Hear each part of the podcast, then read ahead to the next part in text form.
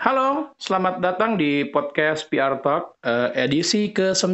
Nah, edisi kali ini bakal berbeda dengan edisi sebelumnya, di mana jika edisi sebelumnya pembicara atau yang aku ajak ngobrol tuh betul-betul latar belakangnya dari ilmu komunikasi, terus dia jadi PR dan uh, melanjutkan sampai saat ini. Nah, sekarang bagi teman-teman yang mungkin akan melanjutkan uh, uh, sebagai seorang PR atau mungkin dia bukan orang komunikasi tapi pengen belajar PR, gimana sih? Nah, podcast kali ini benar-benar tepat buat teman-teman semuanya. Soalnya aku bakal ngajak salah satu teman saya, namanya Mas Rudini.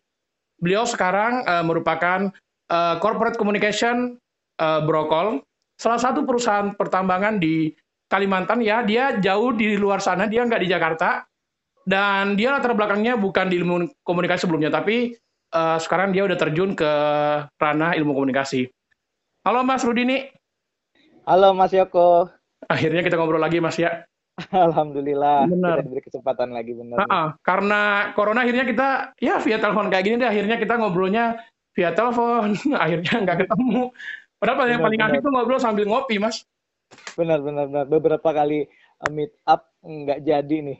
Benar benar. Tapi banget, alhamdulillah dengan uh, kondisi saat ini kita bisa dipertemukan di podcast. Uh benar banget Mas. Apalagi juga uh, mungkin para pendengar di luar sana pengen tahu banyak sih Mas mengenai hmm, mungkin ranah PR yang digeluti sekarang oleh Mas Rudi ini.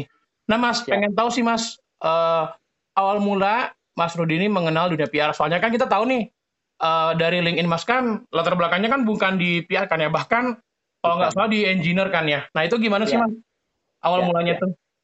Ya, oke. Okay. Uh, saya cerita sedikit balik ke April ya 2017. Jadi Lama saya ya. masuk ke dunia PR itu sejak April 2017. Kurang lebih hmm. uh, sebelum di PR itu saya empat tahun di bagian operasional. Jadi uh, basicnya memang betul-betul bukan orang komunikasi gitu. Engineer uh, gitu ya mas ya bergelut iya, dengan ya, saya, saya alat berat dan lain-lain. Bener, saya dari mining engineering yang tahunya tentang uh, teknik-teknik pertambangan, alat berat dan lain sebagainya. Nah, jadi uh, basicnya bukan komunikasi, tapi se uh, sebenarnya uh, hmm.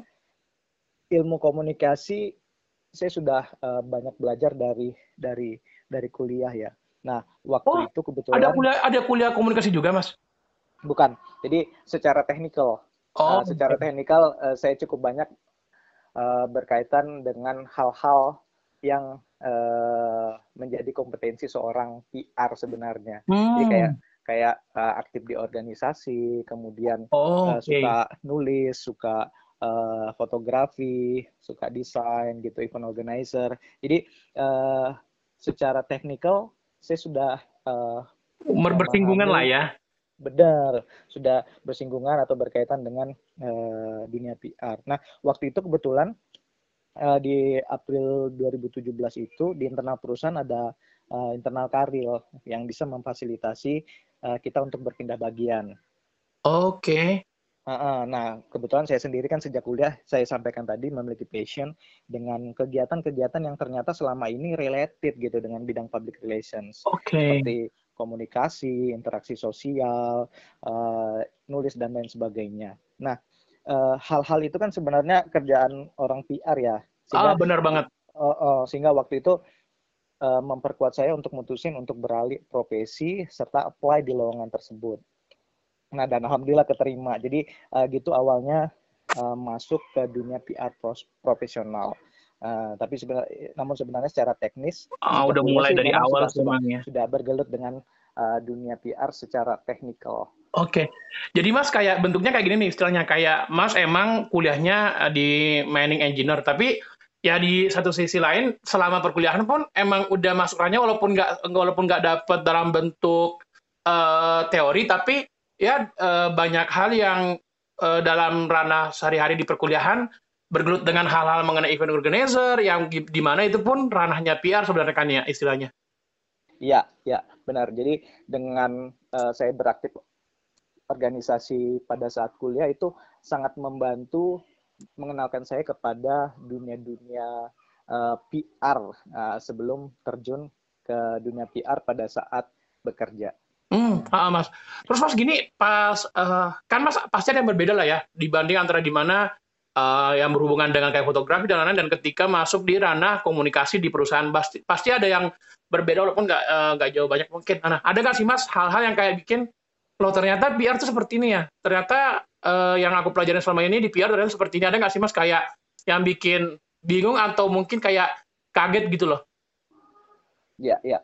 Uh, pada saat masuk ke bagian PR atau public relations uh -huh. itu uh, memang banyak penyesuaiannya karena kan sebelumnya saya engineering yang berkaitan berkaitan dengan uh, kegiatan-kegiatan teknis, perhitungan, kemudian data dan lain sebagainya. Nah, kemudian uh, di PR saya banyak belajar tentang ilmu sosial, ilmu komunikasi, bagaimana cara menyampaikan pendapat, bagaimana cara uh, menulis yang baik, yang sesuai dengan EYD. Mm -hmm. uh, nah, ini kan kita uh, belajar hal yang baru lagi sebenarnya. Nah, jadi ketika pun kita sudah memiliki dasar atau uh, mengetahui lebih awal dunia PR pada saat kuliah atau organisasi, tapi ternyata di dunia pekerjaan itu mengajarkan kita hal-hal yang baru lagi gitu. Mungkin teman-teman juga uh, nanti akan merasakan gitu. Iya ternyata, sih, bakal learning uh, by doing gitu sih Mas ya. Betul, PR secara teori uh, dan secara praktek itu ternyata juga berbeda. Apalagi yang saya dengan background engineer masuk ke dunia PR itu uh, cukup cukup kaget gitu dengan hal-hal. Uh, nah, jadi memang uh, dari kita sendiri memang harus menuntut diri kita agar cepat belajar gitu.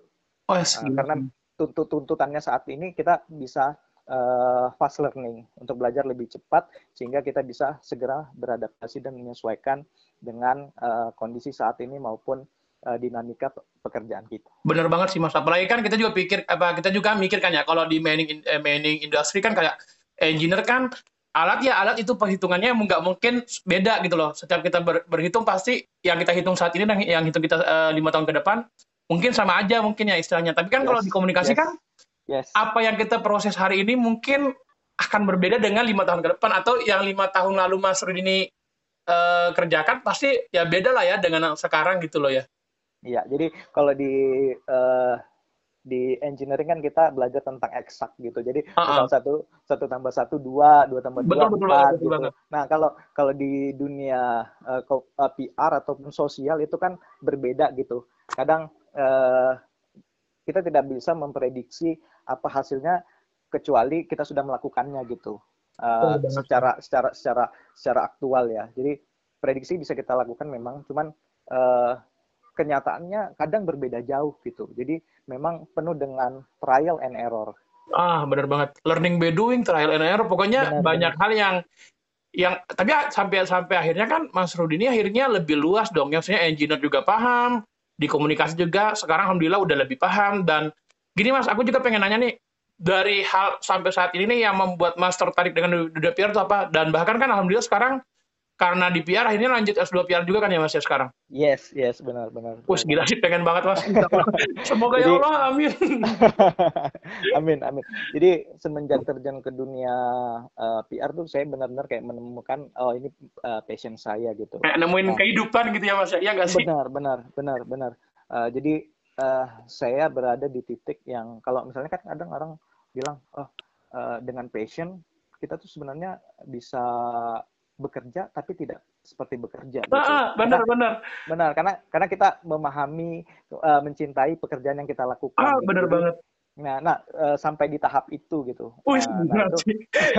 menemukan menemukan hal di mana kita tuh bekerja tapi kok dibayar tapi kok ya kita tuh senang, menjalankan gitu. passion dibayar tapi kok seneng apa nggak yes. dibayar pun senang apalagi dibayarkan ya ya nggak sih mas yes yes benar benar nah uh, tapi yang membuat saya passionate itu ada beberapa hal juga ah tadi, boleh mas dia uh, apa apa sih yang kita membuat uh, tertarik gitu ah, ah. nah uh, yang pertama itu di PR sendiri uh, saya bisa bertemu dan uh, bersosial dengan banyak orang gitu okay. dengan uh, latar belakang dan profesi yang berbeda benar banget Eh, kita bisa berkomunikasi, ngobrol atau membicarakan eh, hal-hal uh, yang baru.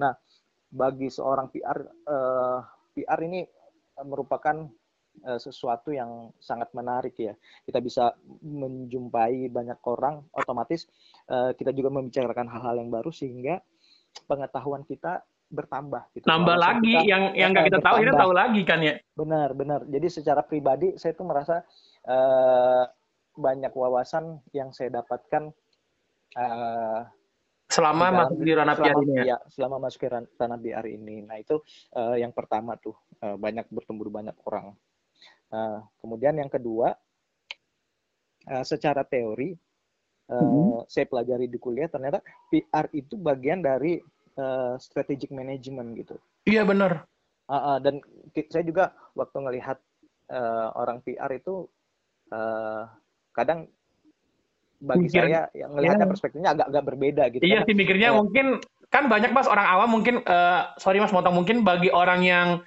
mungkin awalnya mungkin yang bukan rada PR soalnya banyak juga ngomong PR tuh apa sih?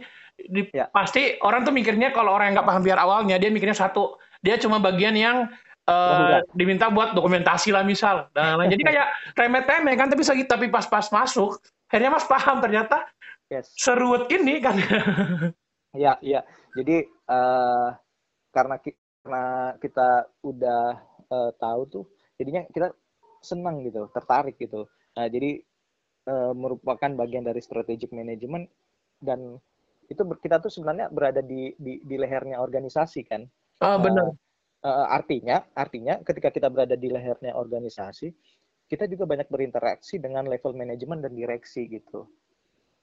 Nah uh, sehingga kembali lagi kita banyak belajar banyak belajar karena kita berinteraksi dengan eh, level-level uh, terkait. uh, Betul banget. khususnya ten khususnya tentang uh, belajar tentang leadership belajar tentang uh, manajemen gitu sehingga uh, banyak hal yang bisa kita dapatkan nah, itu uh, salah satu menurut saya privilege menjadi seorang seorang PR. Seorang ya. PR ya, apalagi Mas emang dan di tempatku juga kayak gitu sih Mas. Mungkin semua perusahaan mungkin kayak gitu sih semoga dan semoga betul-betul PR emang ditempatkan di strategis. Kalau tempatku kan Mas emang dia tuh di bawah direktorat utama langsung. Jadi ya gimana sih Mas nyiapin CEO Menses mungkin ya misalnya yes. uh, bantuin bos uh, bantuin bos buat uh, nyiapin rilis dan lain-lain kan itu kayak suatu hal yang emang beda sih Mas. Yang didapatkan yeah. yang dulu kan dulu di lapangan terus sekarang masuk di manajemen yang ya lumayan menarik ya, ya, benar benar benar. Jadi kita tahu bagaimana cara mereka berinteraksi bagaimana cara mereka melakukan uh, komunikasi kemudian bagaimana cara mereka bekerja sehingga oh begini ya begini ya gitu. Dan itu yang bisa kita terapkan juga agar kita uh, bisa meningkatkan kompetensi diri gitu. Sebagai seorang leader terutama. Uts. Oke mas menarik banget sih. Berarti dua hal itu sih ya. Di mana mas ya. yang bikin tertarik sih satu emang ketemu banyak orang banyak ya. belajar banget yang sebelumnya nggak tahu akhirnya tahu dan yang kedua ya. kita bisa paham sebenarnya kacamata dari manajemen itu seperti apa Yes. Dan ketika kita, kita ketemu sama orang luar untuk uh, government relation atau bertemu stakeholder, kita bisa ngobrol langsung dengan masyarakat sekitar. Tapi kita nggak nggak gagap ngomong sama manajemen, emang. Uh. Ya, jadi kita bertemu banyak sekali dari level bawah sampai level atas gitu. Kita uh, tereksposur di semua uh, public. Artinya kan kalau mengatakan public relations itu ada public internal, ada pun uh, public eksternal. Di internal tuh, nah di internal kita banyak bertemu dengan banyak uh, level, banyak orang, di eksternal juga, sehingga ya banyak ilmu yang kita dapatkan. Mm-hmm, benar mas. Nah, Yo, mas. yang terakhir, yang terakhir Apa? nih, yang terakhir ini uh, yang membuat saya tertarik itu dunia PR erat kaitannya dengan kreativitas. Oke, okay. nah, nah uh, dunia kreatif sendiri itu kan kalau ya mungkin Yoko juga uh, melihatnya sesuatu yang fun gitu. Karena kita selalu mencoba berpikir dan melakukan sesuatu yang beda, sesuatu yang unik, atau sesuatu yang baru yang dapat menarik hmm. perhatian hmm. orang gitu, Benar yang sih. dapat membuat orang senang, memudahkan orang lain dalam memahami uh, suatu hal. Nah, sisi kreatif ini yang membuat saya uh, tertarik di dunia PR. Disiap, benar sih mas, disiapin dana, disuruh maksimalin gimana ceritanya komunikasi ini bisa untuk maksimal sehingga mencapai seluruh uh, lapisan masyarakat dari luar juga paham, internal juga paham. Apalagi kan kita kita sudah tahu kan ya mas ya uh, kantor Mas Rudi ini kan uh, dia head office tapi luar Jakarta di mana selama ini kan yes. PR kan ya udah kita PR tuh ditempatin di Jakarta kan kan rata-rata kan yeah, memang kita yeah. pahamnya kan kayak gitu kan ya. Yes. Nah, nek kalau aku sih mikirnya gini mas yang bakal berbeda kan pasti banyak hal yang berbeda ya. Kalau aku sih mikirnya kalau di Jakarta kan ya medianya kis, uh, tier satu atau yang sering kita kunjungin kan ya udah media-media yang ada di Jakarta kayak Kompas, yeah. TV dan lain-lain. Nah, kalau yeah. dari Mas sendiri, pandangan Mas sendiri melihat uh, hal ini kayak menjadi seorang PR di perusahaan mining tapi di luar Jakarta, itu Mas gimana Mas? Ya, jadi uh, perbedaan perbedaan antara PR yang di daerah uh, maupun PR di Jakarta tuh uh, akan berkaitan lagi dengan kalau kita lebih spesifik lagi uh, perbedaannya berkaitan dengan uh, tipikal industrinya juga. Hmm, benar. Jadi uh, uh, jadi kalau tipikal mine, coal mining industry itu sendiri yang pertama uh, lokasi industrinya itu memang berada di remote area atau area uh, apa namanya yang di daerah lah. Uh, uh. Yang kedua uh, tipikal coal mining itu risiko keselamatannya tinggi, high risk. Iya sih, HSS itu emang nomor satu sih emang.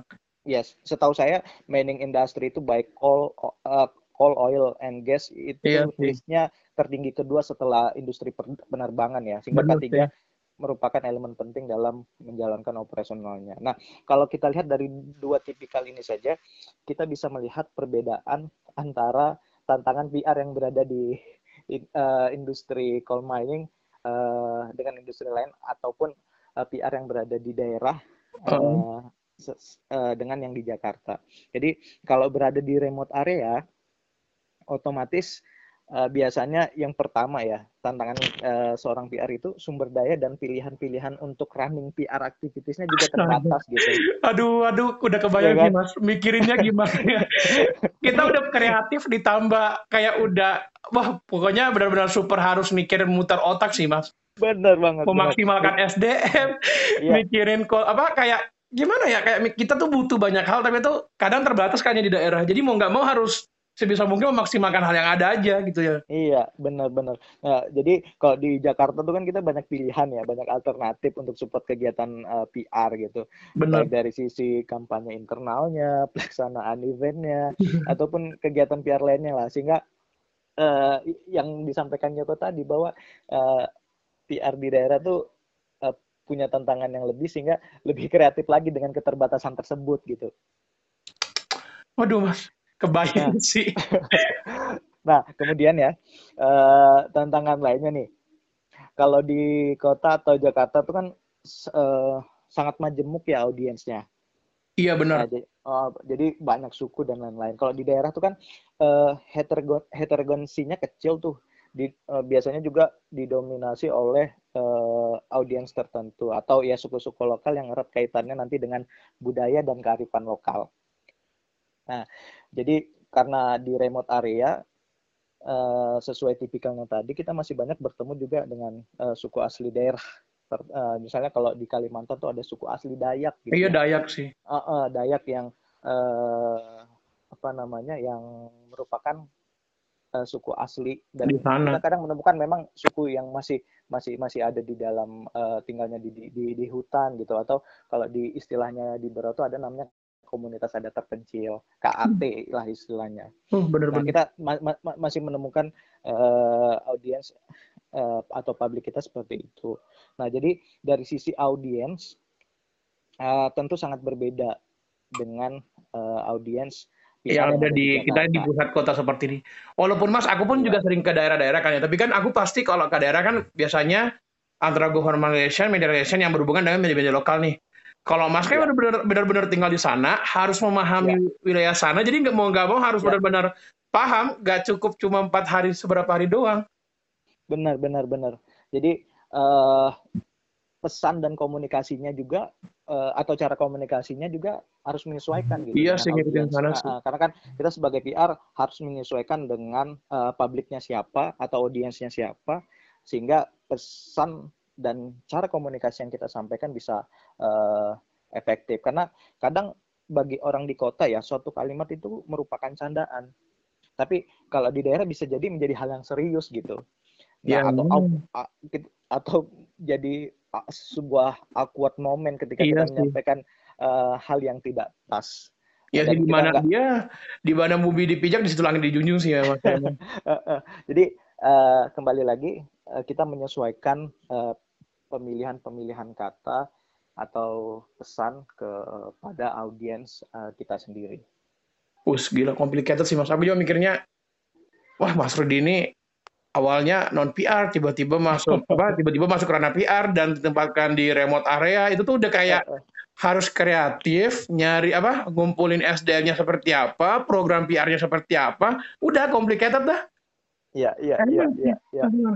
Terus Mas gimana? Kalau... Aku tuh uh, mikirnya Mas, uh, Mas Mas Rudi ini kan istilahnya kayak uh, PR non PR nih. Aku juga aku juga pengen tuh menyampaikan seperti ini Mas bahwa aku pun sebagai orang ilmu komunikasi pun ya uh, kadang berpikiran oh ternyata ya namanya profesi PR ini terbuka banget sebenarnya bukan cuma orang yang ilmu komunikasi aja bahkan dari luar komunikasi ketika emang dia uh, kompatibel kayak misalnya kayak Mas uh, Rudi ini ya bisa ya. masuk bisa nyerobot yang orang-orang PR di luar sana sebenarnya. Iya iya iya. Ya. Nah kalau aku sendiri Mas mikirnya uh, gini Mas untuk menyiapkan apa untuk menyiapkan diri dan akhirnya Mas Rudini sekarang kan menambah kapasitas dengan mengambil S2 untuk menambah wawasan dan lain-lain. Nah, uh, hal yang hal yang terpenting nih bagi Mas Rudini mungkin bagi teman-teman di luar sana, mungkin para mahasiswa atau para uh, junior-junior PR yang agar mereka tuh nggak diserobot nih atau enggak uh, biar bisa mempersiapkan diri lebih kuat nih. Kira-kira Mas apa sih Mas yang paling penting disiapkan dalam dunia PR tuh? Kalau dari kalau dari sudut sudut pandangnya Mas Rudini? Iya, iya. Uh, Oke, okay. kalau uh, selama menjalani uh, dunia pro, PR profesional ya, hal hal-hal yang menurut saya penting yang pertama itu uh, soft skill ya memang. Iya, karena uh, sebenarnya tidak tidak hanya profesi PR tapi uh, hampir semua ya. hampir seluruh semua profesi ya soft skill itu menjadi sebuah modal besar bagi seorang uh, calon PR profesional untuk uh, mendukung kinerjanya nanti uh, ketika menjadi PR profesional. Jadi uh, seperti communication skill atau public speaking, uh, speaking skill yang memang menjadi um, mandatory skillnya, uh, kompetensi utama uh, ketika nanti menjadi seorang uh, public relations uh, profesional dan juga menurut saya memang sebagai uh, calon hmm. PR profesional juga harus aktif berorganisasi gitu. Iya sih, mau nggak mau emang harus mencari iya. mencari apa sih? Mencari ilmu sekaligus mencari uh, apa ya istilahnya? Kayak teman baru atau wawasan baru sih Mas ya emang. Yes. Ya, menjalin relasi kan. Uh, karena uh, menjalin koneksi. Karena itu yang nanti akan dibutuhkan pada saat kita menjadi uh, seorang PR. Koneksi itu uh, modal yang sangat berharga ketika kita misalnya tidak tahu uh, kemudian kita punya senior yang sudah pernah uh, pengalaman mengalami hal itu, kita bisa bertukar informasi gitu. Dan itu kita dapat uh, relasinya dari organisasi misal. Karena kita uh, berjumpa dengan banyak orang juga di organisasi kan, uh, kita belajar uh, kepemimpinan, yes, iya kita belajar uh, menyampaikan pendapat, kita mengasah pola pikir kita, kemudian kita belajar manajemen waktu, komplit lah gitu. Uh, nah, ketika kita beraktif organisasi otomatis uh, banyak soft skill yang akan uh, men, uh, meningkat pada saat kita uh, berada di area tersebut. Nah, iya sih kayak ya, berjalan gitu lah mas ya. Iya benar benar benar. Nah kemudian uh, saat ini juga seorang PR ya itu juga harus menguasai database management kalau menurut saya ya. Uh, kalau menurut gila, saya. Data uh, senjata. Iya, karena saat ini kan uh, data is new oil gitu. Iya benar. Uh, mm -mm, karena data sangat penting untuk memahami sebuah masalah dan uh, mencari solusi dari masalah tersebut. Dan kita kan sebenarnya dibayar juga untuk menyelesaikan masalah ya. nah, nah dengan data betul dengan database yang kuat itu akan memudahkan dan mempercepat dalam menyelesaikan masalah. Nah, itu jadi dari soft skill udah kemudian dari database management dan yang terakhir kalau menurut saya sih eh, harus memiliki pengetahuan digital yang baik. Nah, oh, kayak digital savvy sih, Mas. Aku emang selalu ngomong sih, orang-orang ya. untuk kalian yang masuk PR, tolong digital savvy-nya dijaga. Yes, karena uh, eh, PR pasti akan selalu mengikuti tren ya, uh, akan mengikuti perkembangan zaman, sehingga uh, dengan tuntutan zaman saat ini uh, di era 4.0 kita harus memahami digital uh, dengan baik sehingga uh, PR bisa menyesuaikan, yeah, bisa masuk ke semua ke semua audiens gitu. Uh, dan itu uh, sekali lagi harus harus memahami uh, digital technology. Dan emang kita paham ya mas ya. Sekarang kan misalnya nih uh, kita paham nih sekarang dunia, dunia digital tuh uh, nggak apa kalau apa maksudnya nggak nggak lama mainnya dan benar-benar kayak dulu nih Instagram nomor Insta, Instagram tuh menjadi uh, kita nyari informasi terus terus kan dulu pernah juga tuh Twitter yang naik nih sekarang kan lagi nih TikTok kan ya yang baru nih. Jadi tuh ya, benar-benar ya, ya. kita tuh mikirinnya gimana memikirkan algoritma semua sosial media kalau misalnya kita mau menyampaikan pesan di sana dan uh, bagaimana uh, perusahaan kita tuh bisa memberikan informasi yang bermanfaat juga buat halayak. Yes, yes. Nah, jadi uh, dengan digital kita memahami bahwa perkembangan itu kan sangat cepat ya. Uh, perkembangan sangat cepat. Jadi kalau misalnya dulu misal uh, Facebook membutuhkan berapa lama untuk mencapai uh, berapa juta berapa juta followers ataupun pengguna. Nah, sekarang TikTok dengan waktu yang cepat itu uh, bisa meraih followers yang sama atau pengguna iya, yang sama. Iya, gitu. iya kan cepat banget sih emang emang gila sih dunia PR itu ah luas banget sih walaupun memang mungkin di dalam kalau kan banyak tuh mas saat ini kan ya yang misalnya nih bagi teman-teman yang baru nih misal mahasiswa baru nih dia ya. ketika lulus tahunya ya udah dia jurusan ilmu komunikasi ilmu komunikasi nanti jadinya humas padahal ya. di luar sana ketika dia masuk di sana kalau mas kan namanya public relation atau korkom mas sekarang dulu kita namanya public relations sekarang hmm. udah berubah jadi corporate communication. Iya kan, nah banyak banget kan bahasa-bahasa dan benar, mungkin kan benar. kalau orang komunikasi aja nggak apa orang komunikasi aja nggak paham, apalagi dulu kan orang engineer kan ya, yang dulunya ya, ya. apa dan masuk ke sini. Nah mas, sebenarnya sih yang aku pengen pengen tekankan lagi sih mas bahwa emang PR itu PR itu ya itu dia tuh uh, profesi yang betul-betul terbuka terbuka luas nih. Benar-benar kapan pun ya. orang ketika itu kompatibel bisa masuk kapan pun di mana pun. Nah, kalau uh, dari ranah uh, call nih Mas dari ranah mining, uh, melihat tuh Mas, kalau Mas sendiri melihat uh, adik-adik yang ke depan tuh Mas uh, harus apa sih Mas yang harus di apa sih yang harus betul-betul selain dari digital, selain dari uh, ranah data dan lain-lain Mas mungkin mengenai attitude dan lain-lain apa sih Mas yang perlu dijaga banget? nah, uh, untuk adik-adik nih, saya saya pesan sih uh, untuk menunjang karir ke depannya. Kayak saya juga sebenarnya nggak nggak nggak tahu juga bahwa bakalan terjun ke dunia profesional kan. PR profesional maksudnya.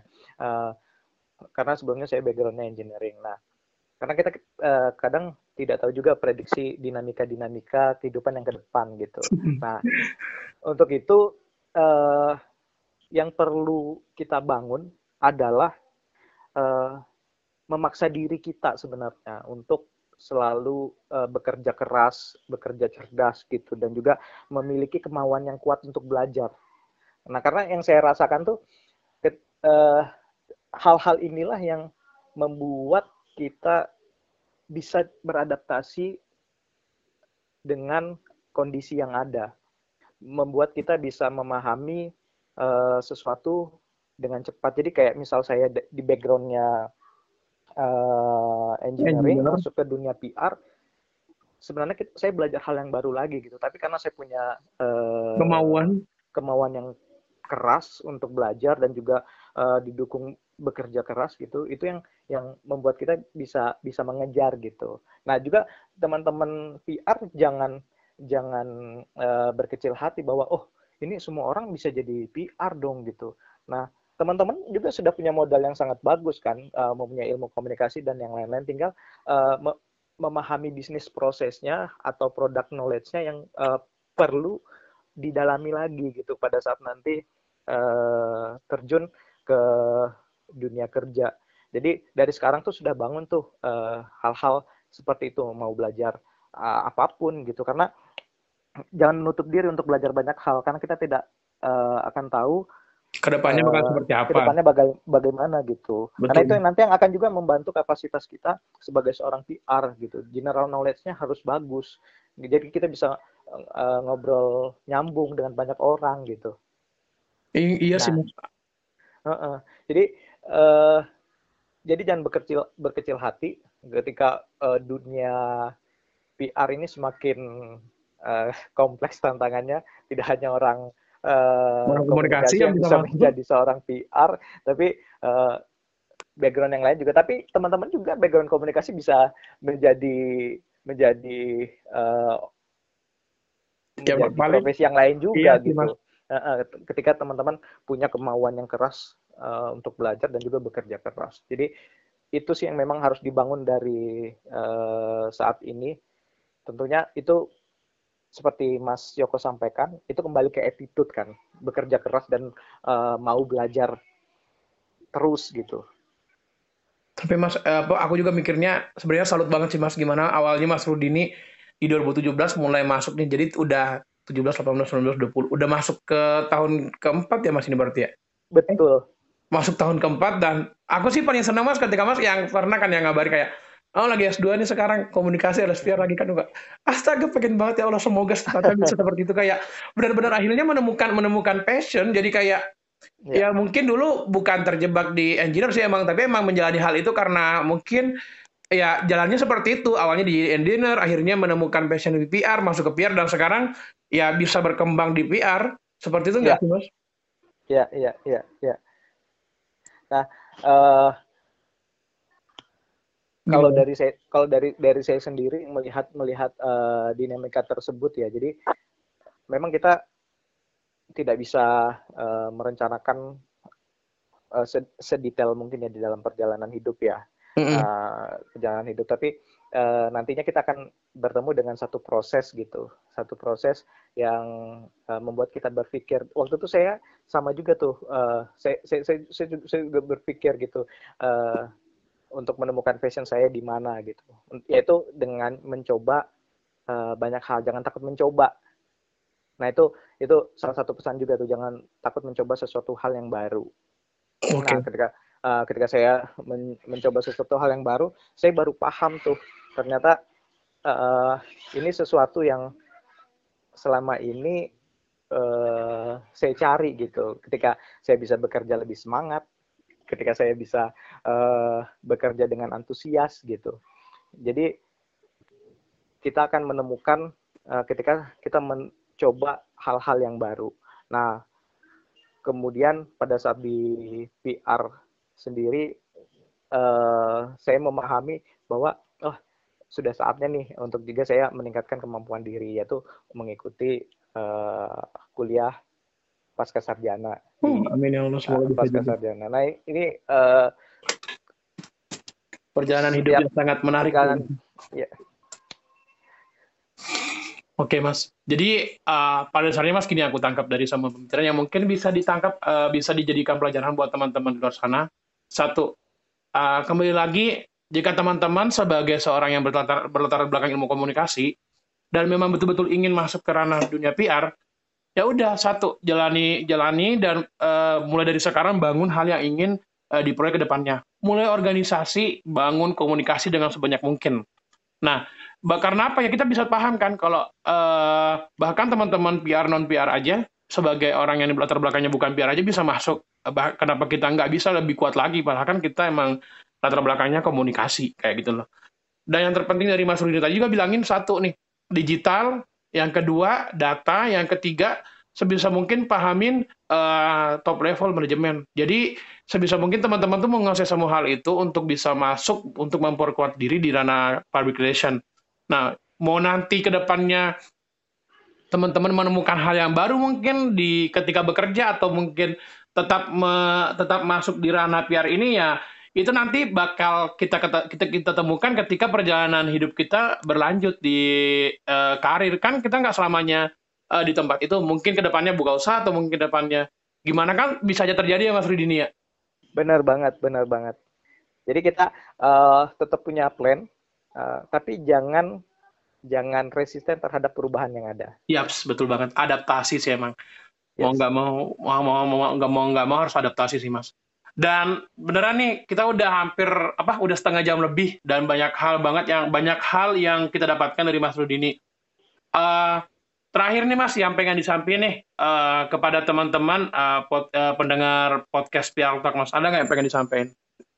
Ya uh, untuk teman-teman ya seperti yang sebelumnya saya sampaikan untuk menjadi seorang PR profesional itu kita nantinya akan bertemu uh, dengan uh, banyak tantangan ya, banyak banyak masalah.